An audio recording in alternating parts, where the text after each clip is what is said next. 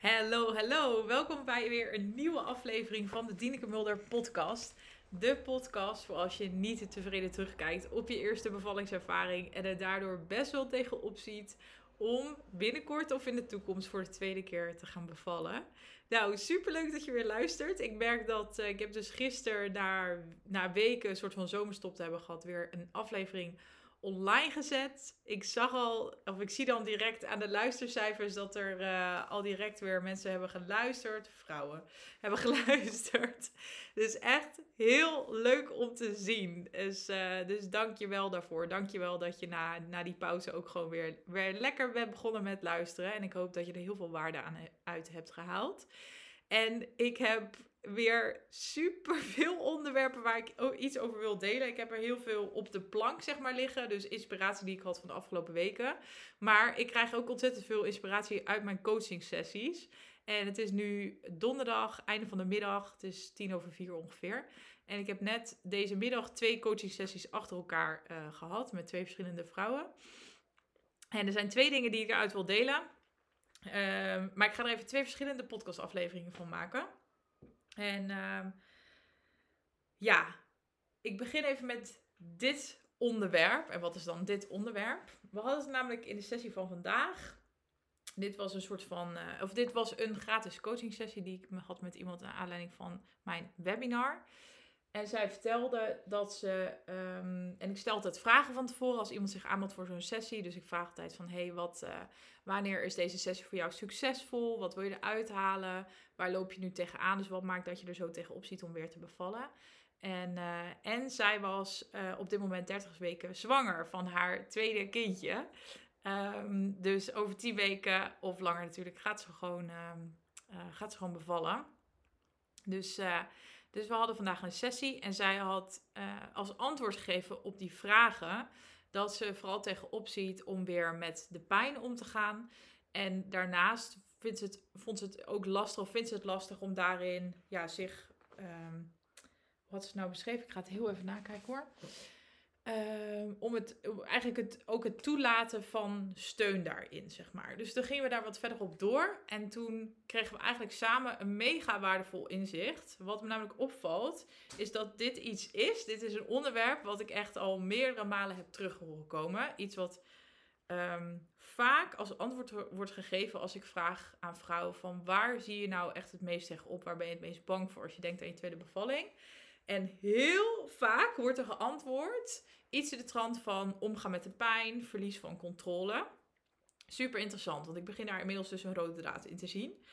En in eerste instantie, toen ik dit, toen ik begon zeg maar mijn praktijk en dit in eerste instantie hoorde, toen dacht ik meer aan, oké, omgaan met de pijn. Toen dacht ik meer in de trant van, ja, dan moet je dus een soort van tools krijgen om met de pijn om te gaan. En uh, dan zit je bijna te denken aan uh, wat in de zwangerschapscursus bijvoorbeeld wordt aangeboden. Weet je wel, dus hoe kan je met de pijn omgaan, wegpuffen, bla bla bla. Maar ik ben tot een nieuw inzicht gekomen, wat eigenlijk nooit wordt gedeeld. En, um, en dit werd nog eens bevestigd in de sessie van vandaag. Um, zij vertelde namelijk, want we gingen daar wat dieper op in. Ik zei wel, wat vond je dan lastig op dat moment? En ze vertelde, um, nou ja, sowieso iets over haar jeugd. Dat ze eigenlijk een beetje vanuit haar jeugd heeft meegekregen dat je, um, ja, dat er al snel wordt gezegd van, hup, niet zeiken, uh, niet huilen, kom op, doorgaan. Dus daar, dat ze eigenlijk daardoor op jonge leeftijd onbewust een beetje de overtuiging heeft gekregen van als je Um, als je emoties ervaart, dan, uh, dan mag je ze niet uiten, zeg maar. Dat is onveilig. Um, dus daar hadden we het over. En uh, we hadden het ook over, want ik vroeg aan haar... Maar hoe zou je dan... Nee, ik, ik, ga, ik drijf heel erg af. Wacht even, dit vroeg ik ook. Um, ja, dus nou ja, over, dus over, over de pijn hadden we het. Oh, ik moet even de draad proberen terug te vinden hoor. Ik, want ik heb echt uh, gewoon de hele dag in sessies gezeten. Um, oh ja, maar ik vroeg dus aan haar. Ik ga even van honden haar. Maar ik vroeg aan haar van... Wat zou je nou het allerliefste willen op dit moment, stiekem? Toen zei ze, nou, ik zou het liefst misschien gewoon helemaal alleen willen bevallen. Gewoon niemand erbij. En, uh, en want haar, het scenario waar ze de eerste keer in is bevallen was heel medisch. Ehm, dus heel veel toeters en bellen, heel veel mensen en zo, wat ze heel moeilijk vond. En toen zei ik, maar wat is voor jou op dit moment het voordeel van helemaal alleen, om helemaal alleen te bevallen? Dus niemand te zeggen dat je gaat bevallen en gewoon in je eentje het doen. En toen zei ze, nou ja, vooral dat ik, dat niemand dan ehm, ziet dat ik zwak ben. Dus dat ik geen schaamte heb en dat niemand ziet dat ik zwak ben. Toen zei ik, aha. Ehm, en toen vertelde ze dus, wat zij heel lastig vond tijdens haar bevalling, was dus uh, enerzijds pijn, maar ook wat daar natuurlijk bij komt kijken, is het feit dat om met die pijn om te gaan, is wat, wat heel vaak eigenlijk heel erg helpt. Kijk, wij leren in cursussen dat je moet, eh, de pijn moet wegpuffen. En we hebben een soort van beeld dat de ultieme bevallende vrouw een soort van zen-boeddha is. Die ehm, heel rustig, dat je bijna niet even door hebt dat ze aan het bevallen is. Dus helemaal, uh, niet om dat af te kraken, maar een soort van hypnoburtend, zeg maar, dat doet en helemaal zen. Maar, en die zullen er ook echt wel zijn. Maar in reality is een bevalling gewoon super messy en rauw. En wordt er vooral van jou gevraagd, als het ware, niet door iemand, maar in de bevalling wordt er eigenlijk vooral gevraagd dat je alles uit wat er op dat moment naar boven komt. En een hele fijne manier bijvoorbeeld om met pijn om te gaan. En ik vind het altijd leuk om dan van die bevallingsvideo's op YouTube te kijken. En dit heb ik al vaker gezien.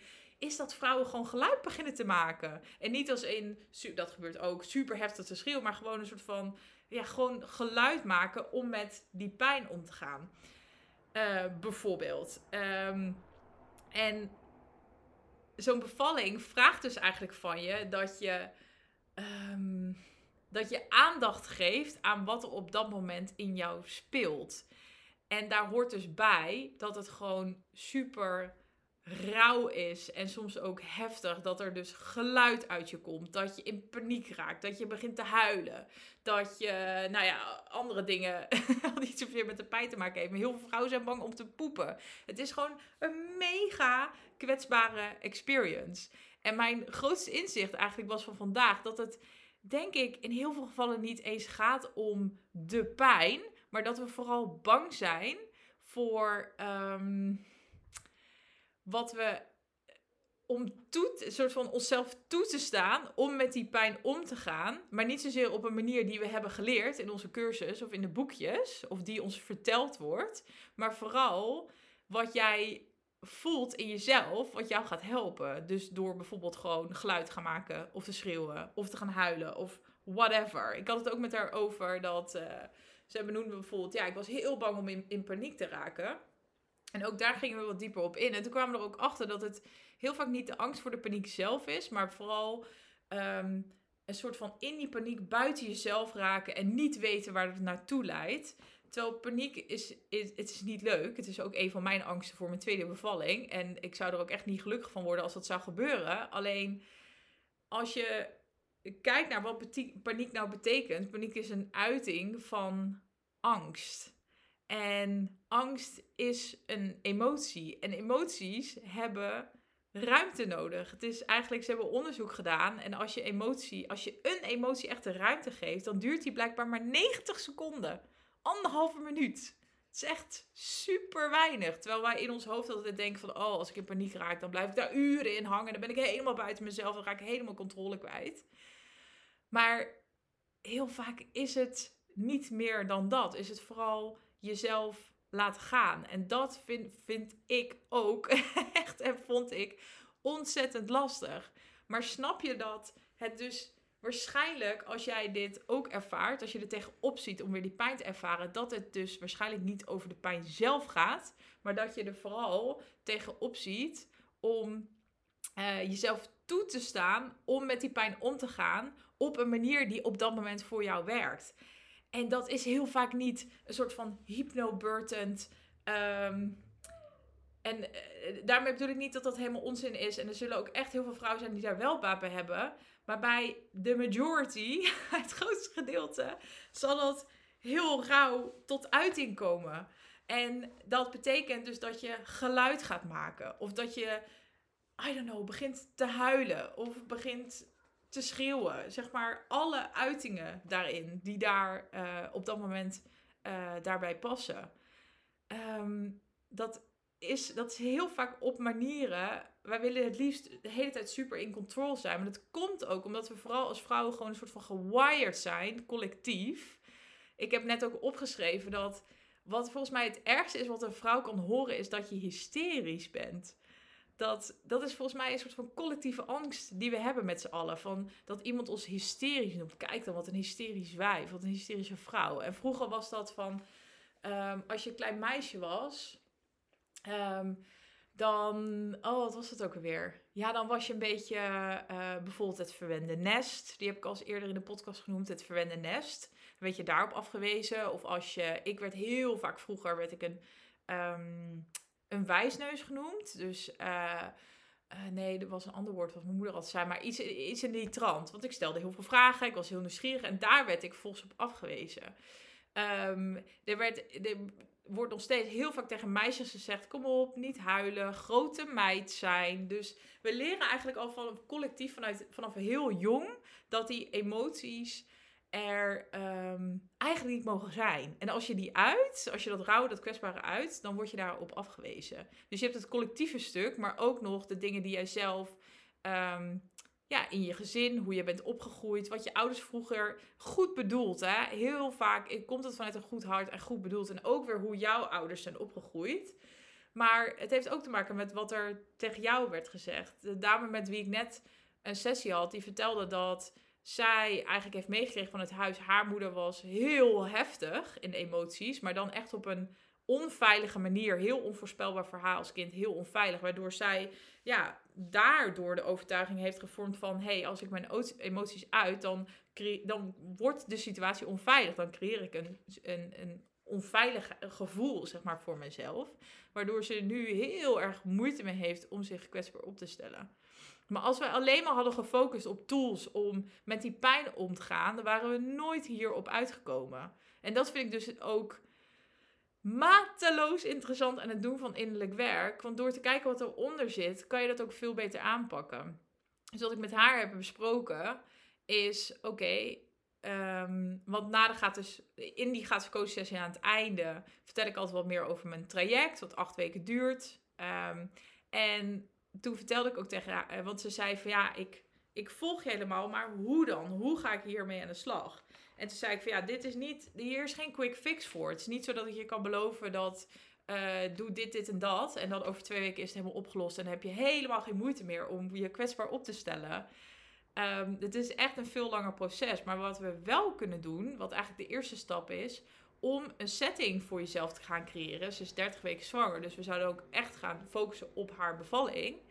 Om een setting voor jezelf te creëren ehm, waarin het makkelijker voor jou wordt om jezelf toe te staan om je kwetsbaar op te stellen. En een van de, de voorbeelden bijvoorbeeld die ik gaf, is dat ik zei: ehm, we kunnen, eh, dat we bijvoorbeeld gaan kijken naar de verloskundige praktijk waar zij nu um, zorg van krijgt.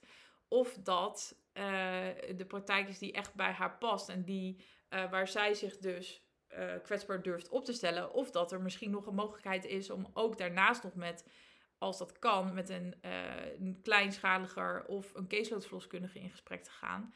Zodat je, um, nou ja, korte tijd, maar alsnog iemand erbij hebt waar je misschien een wat betere band bij opbouwt. En waarvan je dus weet, oké, dat gaat degene zijn die erbij is. En dat je niet soort van ja, Russisch roulette niet weet het bij je bevalling gaan zijn. Dat is één van de elementen die, daar, die daarin kan helpen. Dus als jij dit hoort en denkt van ja, dit was ook exact waar ik, um, wat ik destijds heel lastig vond en waar ik ook heel erg tegen optie om weer mee te dealen, dus überhaupt met die pijn en het verlies van controle, ga dan ook eens bij jezelf nadenken van heb ik, heb ik voor mijn gevoel um, voldoende soort van tools gehad om met die pijn om te gaan. En dan vooral um, ben ik voldoende met mezelf in contact geweest. Dat klinkt heel vaag, maar heb ik voldoende bij mezelf aangevoeld. Uh, wat voor mij op dat moment goed werkte om met die pijn om te gaan. Of was ik heel erg bezig met oké, me niet, uh, ik wil niet dat anderen mij uh, soort van kwetsbaar of zwak zien. Of was je misschien heel erg in je hoofd bezig met, oh ja, dit heb ik tijdens mijn cursus geleerd. Want je weet gewoon niet je weet gewoon van tevoren niet wat je tijdens je bevalling nodig hebt om met die pijn om te gaan. Dat is voor iedereen anders. En, en vrouwen doen de gekste dingen. Ik heb één keer een verhaal gelezen op Instagram. Uh, dit is wel een heel mooi voorbeeld hiervan. Van een vrouw die gewoon bijna de hele bevalling in een, met haar hoofd in een pan heeft gezeten. Dus gewoon een lege, grote kookpan. Die zat met haar hoofd erin, omdat ze op dat moment voelde dat, dat, dat zij dat nodig had om daarmee om te gaan.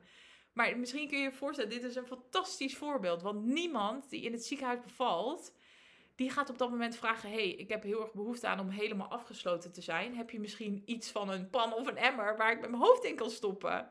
Dat doe je alleen maar als jij comfortabel bent, überhaupt met jezelf kwetsbaar durven opstellen. Maar vooral ook, en er zijn maar weinig vrouwen die dat, in, eh, die dat onvoorwaardelijk kunnen. Die in elke situatie kwetsbaar, rauw kunnen zijn. Echt heel weinig. Maar het gaat dus ook over om een bepaalde setting voor jezelf te creëren. Waarin je weet dat het makkelijker voor je wordt. Uh, en dat kan ook in het ziekenhuis. Alleen je zult daarin keuzes moeten maken. Je zult daarin ruimte moeten innemen. Je zult moeten gaan kijken wat werkt voor jou en niet wat is de norm en wat doet, wat doet iedereen. Maar wat, wat werkt voor mij? Hoe kan ik de ultieme setting voor mezelf creëren waarin, um, waarin ik mezelf makkelijker kan toestaan om kwetsbaar op te stellen? Want dat gaat je uiteindelijk helpen met die pijn om te gaan. Niet die fucking ademhalingsoefeningen en zo. Sorry. maar vooral dat je op dat moment zelf voelt van oké, dit heb ik nodig. Hoe raar het ook is om nu met die pijn te kunnen omgaan. En ik voel me veilig genoeg. Ik voel me vertrouwd genoeg met de mensen die erbij zijn om dat ook daadwerkelijk te doen. Dat is wat je gaat helpen. Dus, dit is, dit is my rant. Ik hoop ehm, ik hoop dat het je helpt. En uh, wil je hier nou meer over leren? Wil je hier meer inzicht over krijgen? Ben je iemand die uh, de grote wens heeft voor een tweede kindje? Misschien al uh, de knoop heeft doorgehakt met je partner van we gaan er weer voor. Maar dan gewoon als jij je bevalling denkt, dat je denkt, mm, nou konden we die maar overslaan. Of misschien ben je nu wel zwanger van je tweede kindje. En je ziet er heel erg tegenop en het voelt een beetje als een soort van tikkende tijdbom. die bevalling die steeds tegenbij komt. Um, schrijf je dan in voor mijn webinar. Dus in mijn webinar, inmiddels geef ik hem wekelijks in de link in de show notes. Uh, kan je zien welke data de komende tijd beschikbaar zijn. Meestal plan ik het per uh, twee uh, weken zeg maar in. En dan kan je gewoon daarbij zijn. En dan neem ik je helemaal mee door de vijf mentale stappen die er nodig zijn voor een tweede bevalling. Waarin jij wel voelt dat je de touwtje in handen hebt en dat je in regie bent. En daardoor hopelijk heel tevreden op terug kan kijken. Superleuk als je daarbij wil zijn. En uh, dank, dank, dank weer voor het luisteren. Mocht je dat nog niet gedaan hebben trouwens.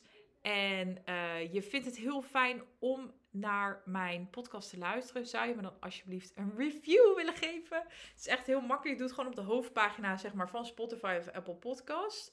En dan zie je zo'n sterretje staan. En je hoeft echt alleen maar die sterretjes aan te klikken. Het is letterlijk twee seconden werk. En daarmee zorg je dat mijn podcast ook weer wordt gevonden door andere vrouwen die er wellicht iets aan hebben. Dus uh, dankjewel als je dat zou willen doen. Want inmiddels is hij al op dit moment 22 keer beoordeeld. Dus echt heel tof.